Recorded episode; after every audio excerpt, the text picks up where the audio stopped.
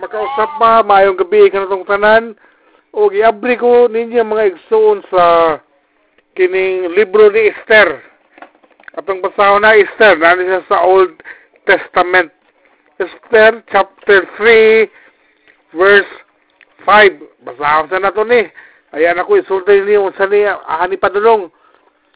Naganayon nini sa pagkakita ni Haman nga wala miyok mo umutahod kaniya si Mardukio nasuko siya pag-ayo. Sige, ganun nasuko man ka si Haman nining higayuna nga nagtagbo sila ni Mardukio. Kini may atong tukion karon ni nga akong walay nga nahimo ang mga igsuon ug ako kining giuluhan ug garbo.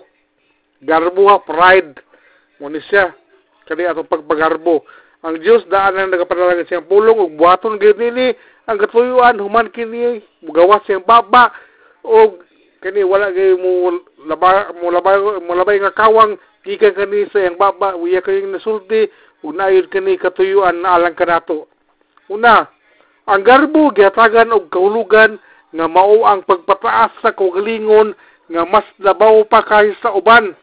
Ikaw igsuong Kristohanon kung naglantaw ka sa imong kaugalingon nga mas labaw pa ka kaysa uban nimo mga igsoong Kristohanon uban manggaling mga tao din ha sa imong atubangan mo ni pagpakita nimo ni sa imong garbo. Apil nga mapasigarbo ang unsay abilidad nimo. Sa abilidad nimo ah, mayo tingin ka mo kanta mayo ka mo sayaw o unsa na mayo nimong himuon kanang maay ka mo drawing o unsa ba din ha to maay ka mo tumbling unsa ba basta kay imong abilidad imong hitsura kani mo gini din no? Kaning yung ka flawless kay ko mas gwapa pa ko nimo dayon ikaw murag layo na kay kanako kung itapad ka murag ka akong lubot. Hitsura kaadunahan. Ay daghan pa ko kwarta nimo daghan pa ko natigom nimo daghan ko bandi nimo gwapo pa mong balay si mo amo simento imo payag. Layo na kay ka. Og ang imong tindugan sa katilingban. Uy ilado pa ko nimo ayo pag sukul-sukul na ko kay kanang kagawad na ko. Ika puro kwan na leader ka tindugan sa katilingban. Kung kini makita nimo nga himuon sa usa ka tawo ug gani sa usa ka kristuhanon nga igsoon ato ay makita nga siya nagpagarbo sa iyang kaugalingon.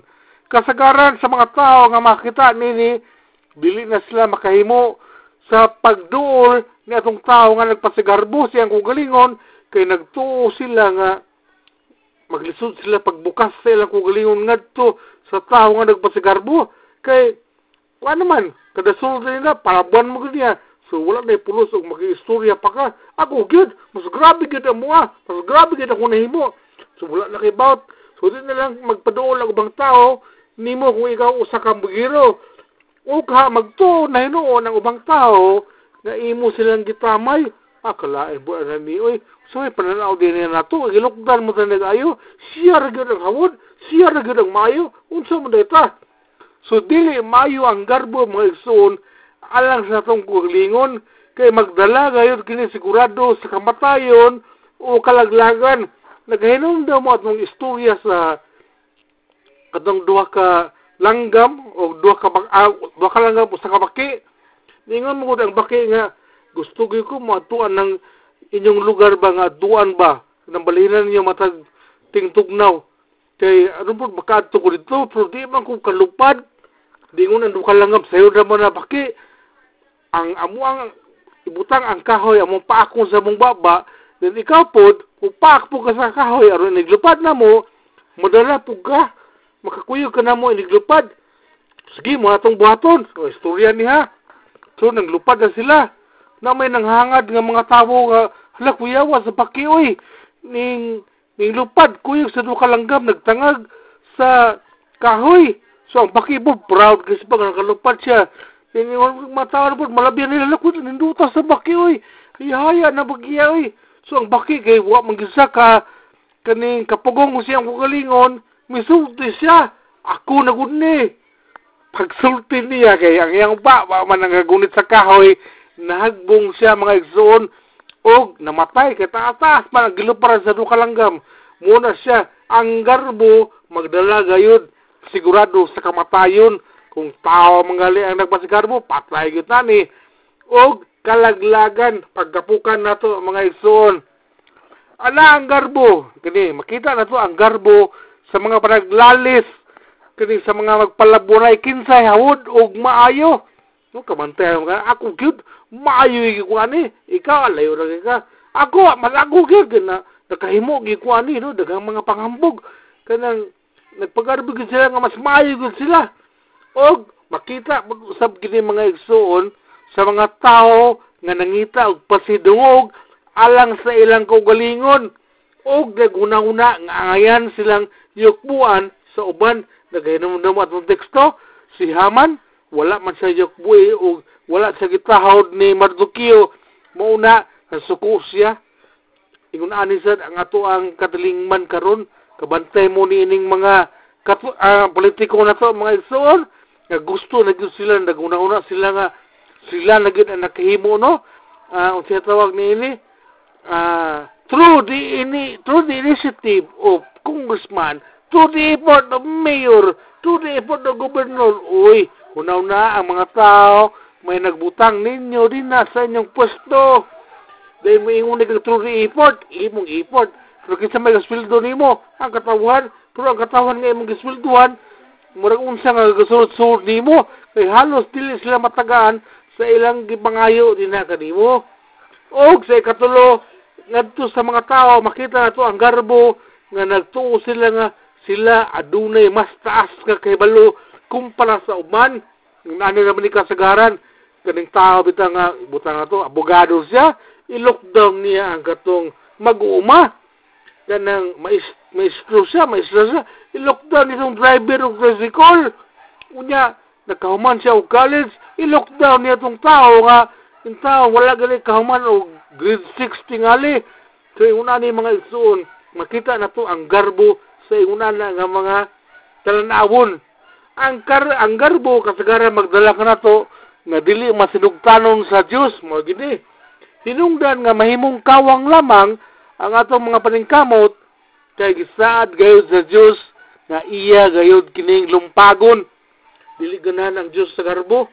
Kung ikaw magpasigarbo, aw inaog yung ka sa Ginoo, kung ikaw mag mapaibsanon, aw isa ka kayo ka sa Diyos, mo man na iyang isa sa iyang pulong, so kung garbuso ka, aw paghulat na ng Diyos, nga birahon dyo ka sa ginoo, sa ubos, o kawang lamang ngayon, ang unsa man imong gipaningkabutan, kay iya gyud ka nga lumpagon.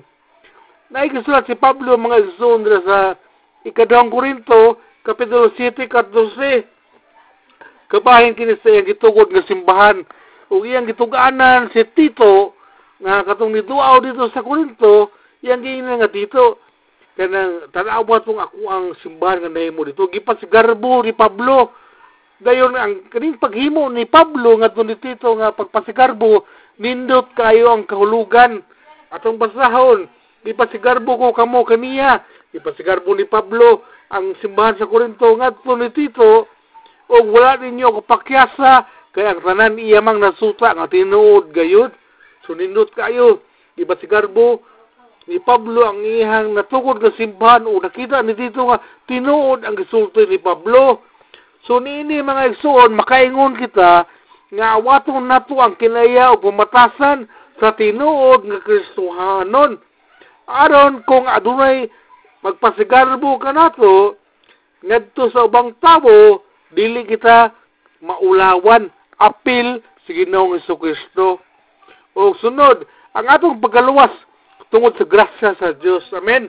Diha sa atong pagtuo ni Ginoong Kristo, di ba? Episodo 2 na gihimo kini mga igsoon ano wala kitay ikapasigarbo sanglit wala magyud kitay nahimo nga padingkamot bisan gamay no bisan sa atong mga lihok wala man tay gihimo nga aron ta tungod sa grasya sa Dios naluwas kita naluoy siya kanato ug tungod siyang gugma og ang dakop nini nga tungod sa atong pagtuo ni Ginoong Kristo nga dawat nato atong kaluwasan. Dayon ug kung manghambog man kita nga nagtamod kita sa atong pagkakristohanon nga naluwas kita likayan nato mga igsuon nga maulawan ang Dios pinagi sa paglapas nato sa iyang mga sugo pinagi sa paglihok-lihok nato nga kining makaulaw nga mga lihok nga makadala og kaulawan ngadto kaniya. Makainomdom ko atong na may estudyante sa una nga usapan to nga batch batch 20 man ito layo, layo na punto sa mua nga wala to siya ka-graduate, ka-graduate pero pastor to siya sa lain nga simbahan nga may eskwela sa mga Bible School. O makasikansim wala to siya na eskwela naglaag-laag o nakuntak sa siya ang igagaw o ang igagaw may nihulog niya nga manulis sila. Nanulis todo sila. At sila igatangan nga checkpoint pero dira sa sa pangdalaka. Dayon ang ila pag yung natulisan usa ka pulis. Kato siya driver. O katong yang kauban nga kuyog niya nga nanguldap gikuha nila tong bag sa pulis nga nay kwarta ug aron dili ka gugod ang pulis ilang gipusil. So ang pulis nita natumba wala man namatay pero wala ka gugod pero pag abot sa unahan giatangan man sila sa checkpoint nadakpan. Nadakpan silang daog siya na preso na preso siya sa orkida nga jail. O nadungog dito sa among simbahan mga igsuon nga ang nadakpan tulisan usa ka pastor sa Happy Church perting ulawa sa mo ang pangulong pastor. Kay imbes nga ang i-report sa media ang ngalan atong tawhana gibutang mahinoon dito nga usa ni siya ka pastor sa church ug sa tinuod dili man to siya pastor. Pastor sa sila simbahan nga eskwela sa among Bible School. Perting ulawa no? Kay una na ba kanang nagtamod siya sa pulong sa Dios usa siya ka pastor sa iyang tinindugan sa katalingban nga matuohon pero naulawan to himo sa dili maayo nga lihok nang hold up. Dayon sa pagangalan nga iyang igagaw man ang liposil kung na sila intensyon og Malaysia niadto nga manghilabot o kinabuhi sa tabo. Dili maayo mga igsoon. So kitang kristohanon bisa gamay lang kaayo nga kading sala atong mahimo dili na to pakaulawan ang Dios uy kristohanon mo na sila.